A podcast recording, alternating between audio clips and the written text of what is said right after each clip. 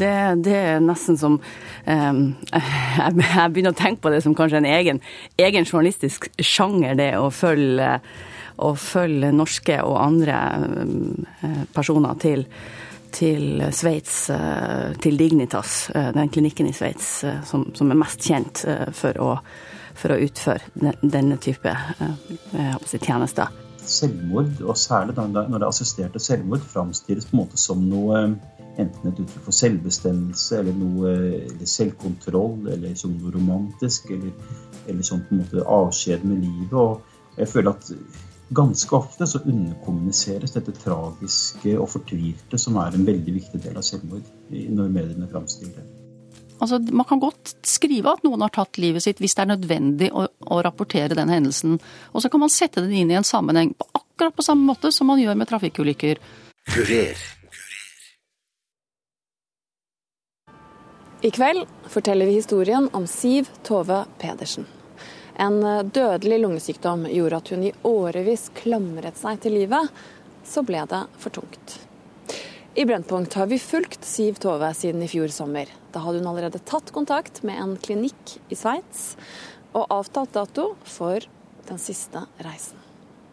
Slik startet NRK Brennpunkt sitt program Den siste reisen, som tok seerne med på Siv Tove Pedersens reise til Sveits for å avslutte sitt liv.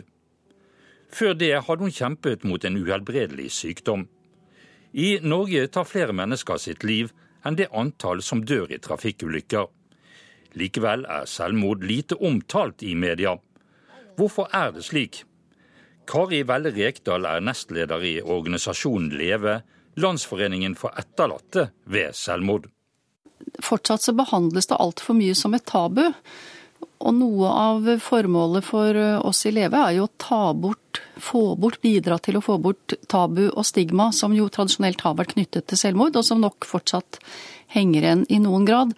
Det vi ønsker oss er jo en normal, i anførselstegn, nyhetsrapportering, sånn som man behandler andre uønskede hendelser, f.eks. trafikkulykker. Det er jo ingen som ville skrevet om trafikkulykker på den måten som man noen ganger omtaler selvmord i pressen. Eh, oftere så er de vel for forsiktige.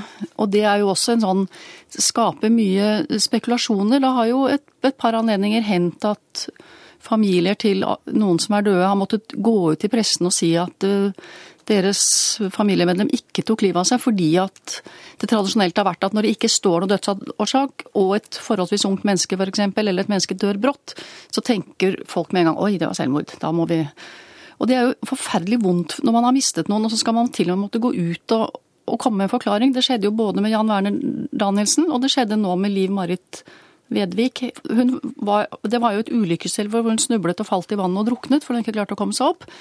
Men fordi at det ble skrevet på en måte som pressen veldig ofte skriver om selvmord på, så begynte disse spekulasjonene å gå. Jeg forstår ikke hvorfor man ikke kan, hvis i den grad man må skrive om et selvmord, kalle det for det det er, altså et, at noen har tatt livet sitt. Det er ikke nødvendig å grafse i detaljer, det er ikke nødvendig å lage malende beskrivelser sånn som dessverre noen gjør noen ganger. Det er ikke nødvendig å bruke bilder uh, av den avdøde i strålende humør, f.eks.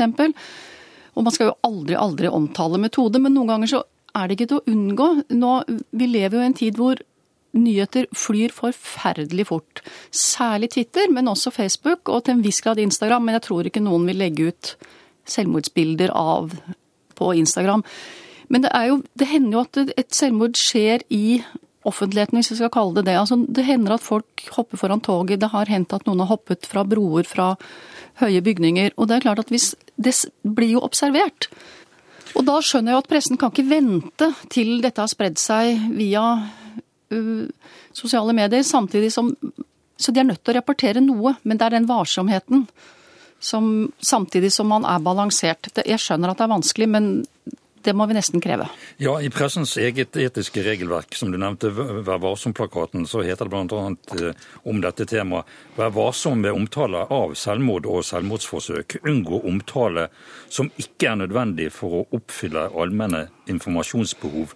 Unngå beskrivelse av metode eller andre forhold som bidrar til å utløse selvmordshandlinger. Eh, syndes det mot dette? Ja, jeg syns nok det. det. det. står jo veldig klart der, men det er jo som med all tekst. Tekst kan tolkes. Både i en kontekst og fra en forståelseshorisont hos den enkelte. Så det forstås nok litt ulikt. Eh, men det er klart at pressen har et eh, samfunnsoppdrag. Det er informasjon, informasjonsplikt, opplysningsplikt er jo en del av det pressen skal gjøre. Og det har jeg full respekt for at de skal Eh, utføre. Samtidig så skal de akkurat her, eh, som du nettopp eh, leste opp, ivareta flere hensyn. Jeg ser på det som et sånn fireveiskryss. Hvor da smitteeffekten, som man jo gjør at man ikke skal omtale metode, hensyn til både den som er død og de som sitter igjen, og rett til informasjon, disse fire kryss... Så drømmen måtte jo være slags, en slags rundkjøring, som er blitt så populært i trafikken, i hvert fall her på Østlandet.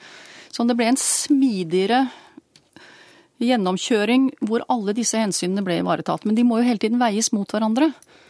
Det er klart at med et, en, hvis en forelder eller ektefelle eller barn som sitter igjen, er kjent, og særlig kan man tenke seg å ha makt i samfunnet, så er jo det potensielt noe som kan påvirke den stillingen. Og det er klart man kan ikke la være å snakke om det. Jeg tror jo sånn at da Gro Harlem Brundtland og hennes familie mistet sin Jørgen, så tror jeg aldri det ville blitt for tid sånn som det ble den gangen.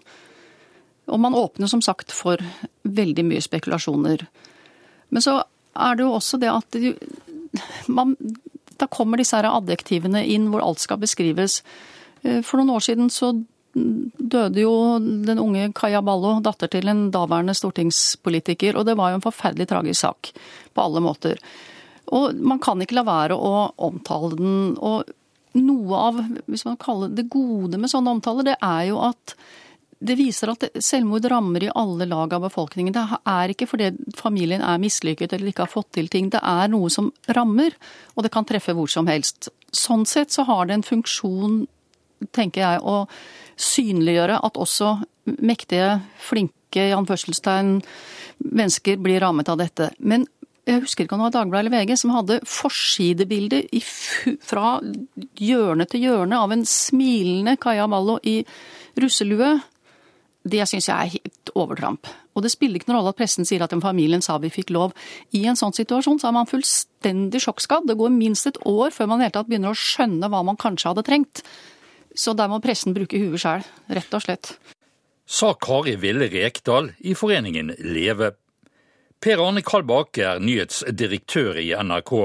Han mener media bør være med å fjerne de store tabuene rundt temaet selvmord. Fram til 2006 så var det jo, om ikke et eh, forbud, så var det i hvert fall sånn at pressens etiske regler sa at vi som hovedregel ikke skulle omtale selvmord. Det var voldsomt eh, tabu knyttet til eh, slik omtale, og det førte også til at pressen ofte valgte å avstå fra å opp opplyse om at noen hadde tatt sitt eget liv, også i saker hvor det kunne være naturlig. At man typisk eh, brukte formuleringer som at det er ikke mistanke om noe kriminelt bak dødsfallet, dette var en personlig tragedie, eller at vedkommende rett og slett ble funnet død, som nok eh, bidro til å mystifisere og mytifisere mer enn at det var en, eh, en sunn journalistisk omtale av det. Så ble jo Vær varsom-plakaten endret i 2006 til denne formuleringen om at eh, som gjelder det meste av det vi gjør, at vi skal være varsomme og, og ha, ha, en eh, aktverdig grunn til å omtale de sakene vi gjør. Og etter det så har det nok gradvis blitt mer åpenhet omkring eh, dette. Og jeg tror vel at både i NRK og andre medier så, så har det beveget seg i retning av at vi særlig har blitt bedre til å ta opp selvmord som det samfunnsproblemet det er. Det er jo rundt 500 nordmenn som tar sitt eh, eget liv hvert år. Eh, mange tusen som forsøker å ta sitt eget liv. Det har ofte sammenheng med uh, psykiske lidelser, fortvilte livssituasjoner. Og det er klart at en, en nøktern og, og, berettiget omtale av slike ting vil jo være av det gode. Én ting er jo å ta opp eh, selvmord som tema. En annen ting er vel kanskje å dekke det. Når er det naturlig for media å, å, å dekke det nyhetsmessig? Det blir jo en vurdering i hvert enkelt tilfelle. Og hovedregelen er jo øh, fortsatt slik at når et menneske tar sitt eget liv, så er det normalt sett ikke noe som mediene omtaler. Men det er klart øh, det kan være unntak fra dette. Hvis det er en, en kjent person øh, eller noen som står en kjent person nær, som gjør at dette er dødsfall som får samfunnsmessige konsekvenser. Eh, det kan, eh, det kan, være at eh, offentligheten blir involvert i sin gjerning. Altså, eksempel på det er jo at hvis, hvis, noen tar sitt eget liv på en måte som fører til at, at det får store konsekvenser i trafikk i en by. Og ikke minst så kan det ofte være slik at i forsvinningssaker hvor det kan ha vært mistanke om en kriminell handling, eh, så vil det jo være, det jo være relevant å omtale det hvis dette da viste seg senere å være et selvmord. Den senere tid så har det vært en viss debatt rundt uh, dette vi har sett både i tabloidavisene, de store, og også i NRKs Brennpunkt, nemlig at man har fulgt folk som har valgt å ta sitt eget liv ned til Sveits, uh, hvor man får såkalt assist, uh, assistert selvmord. Ehm, forstår du at enkelte reagerer på dette?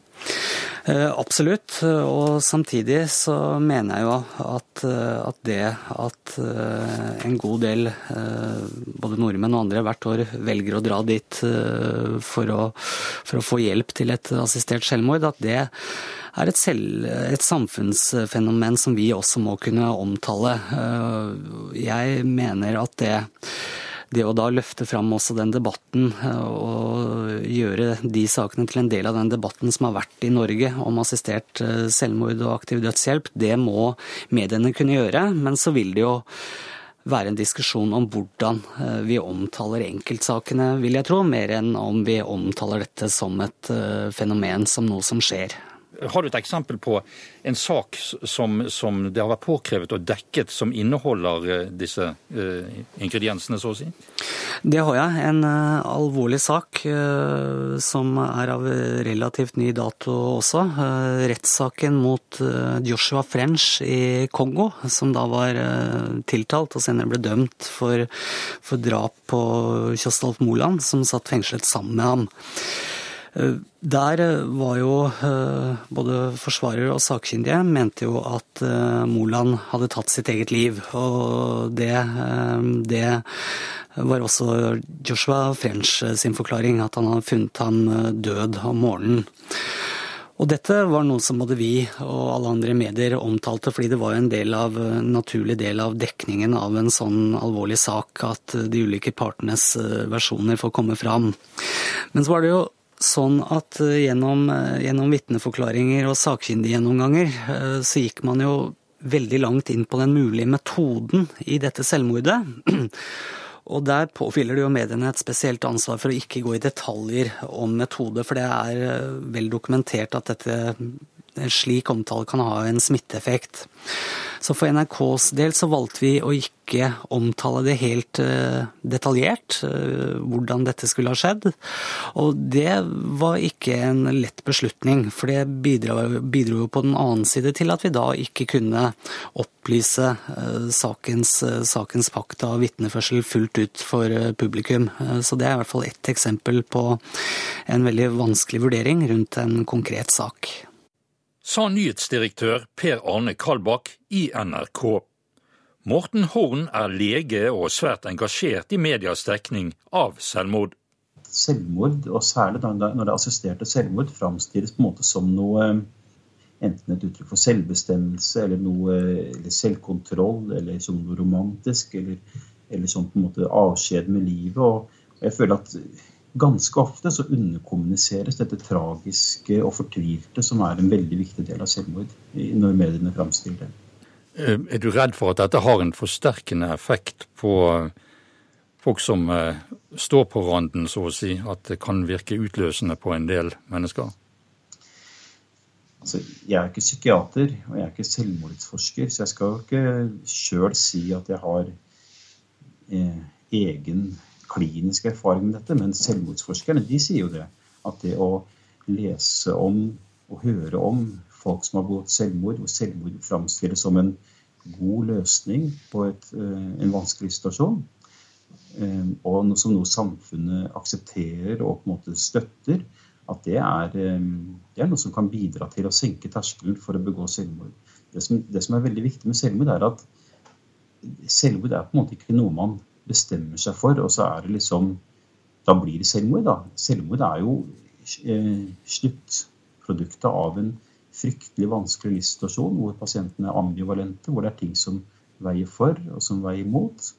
Og en av tingene som er med til å holde folk fra å begå selvmord, det er jo holdningene og reaksjonene de får fra samfunnet rundt. Og Hvis du ser på f.eks. Jeg husker kommentarfeltene til han siste som ble skildret da han dro til Sveits for å ta selvmord i VG, så fikk han jo mye sånn på en måte ros for motet sitt, og at det var en modig og flott reaksjon eller handling å, dra til Sveits og ta sitt liv. Og det er klart at Hvis selvmordsutsatte mennesker eh, ser dette, at, at det å eh, man, man, føler at man ikke er noe verdt, man føler at livet ikke er verdt å leve, og så opplever man at dette valget om å ta sitt liv blir møtt med ros og hyllest fra omgivelsene. Så det er klart at da er det én mindre barriere mot å faktisk gjennomføre selvmordet. Og jeg eh, må si at jeg lurer på om norske journalister er klar over effekten av måten de skildrer selvmord på. Og om de, om de tenker over at de er med på å i verste fall da bryte ned fortvilte menneskers barrierer mot å ta sitt eget liv. Eh, det er jo et relativt stort samfunnsproblem, dette med mellom 500 og 600 personer eh, som hvert år eh, så å si velger denne utgangen på, på, på livet. Så hvordan skulle media egentlig opptrådt, sett med dine øyne, i forhold til dette? Pressen har jo sjøl egne retningslinjer, bl.a. dette med å unngå å snakke om metoden som brukes. Fordi at Jo mer man forteller om metoden, jo mer konkret blir det. Og jo lettere blir det på en måte å danne seg et mentalt bilde for den som er selvmordsutsatt, av hvordan man skal faktisk gjøre dette i praksis. Så det er én ting man kan, eh, kunne vært enda flinkere til. For, for hvilken nytteverdi har det egentlig å få vite om hvordan et annet menneske tok sitt liv? Det er jo ikke det som er det viktige. Det viktige er jo at selvmordet skjedde, og ikke metoden man valgte. Og det andre er at eh, jeg syns at man eh, i mye større grad skulle få fram dette at selvmord er det, er en tragisk og fortvilet handling. Og at um, veldig ofte så har den som begår selvmord, har et svartsyn som, som, som, gjør at man ikke ser muligheter der hvor det faktisk hadde vært hvor det faktisk finnes muligheter og løsninger som kunne gitt dem et bedre liv. Bare at de klarer ikke å se det selv sa Morten Horn. Reidun Kjelling Nybø er assisterende generalsekretær i Norsk redaktørforening. Norske medier er ganske flinke til å omtale selvmord når vi gjør det. Eh, det er et større problem at eh, norske medier ikke omtaler selvmord eh, enn at det gjøres etiske overtramp. Altså Først og fremst så bør det omtales mer, fordi at det er et stort samfunnsproblem.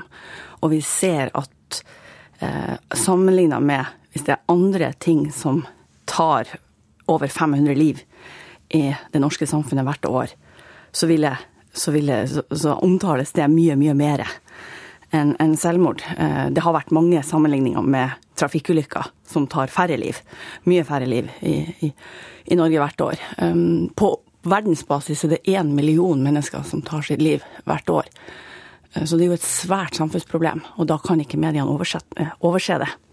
Men samtidig så har vi jo i eh, pressens egen etiske regelverk, Vær varsom-plakaten, et eget felt om dette som maner til forsiktighet.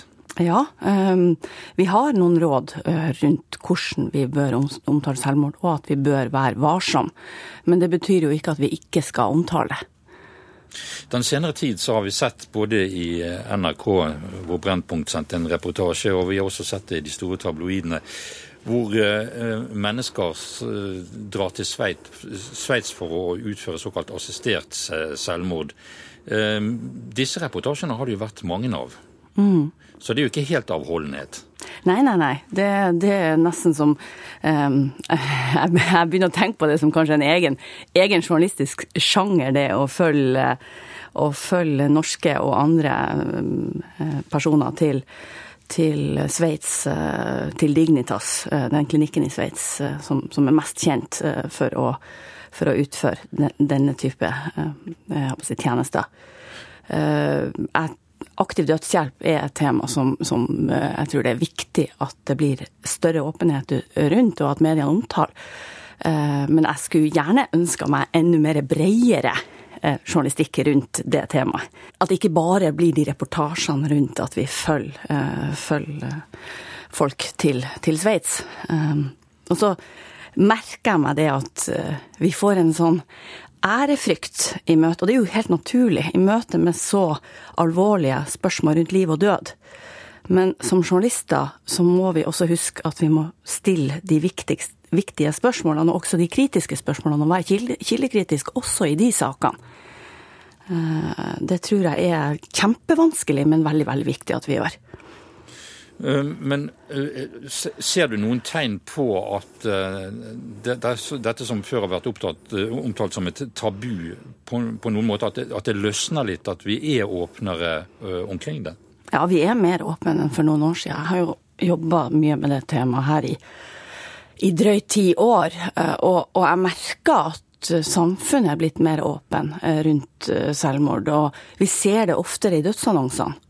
Jeg syns jo det er en sånn her pekepinn på den åpenheten vi har fått. Altså at folk skriver 'valgte å forlate oss' eller 'tok sitt eget liv' i dødsannonsen. Det var veldig sjelden før.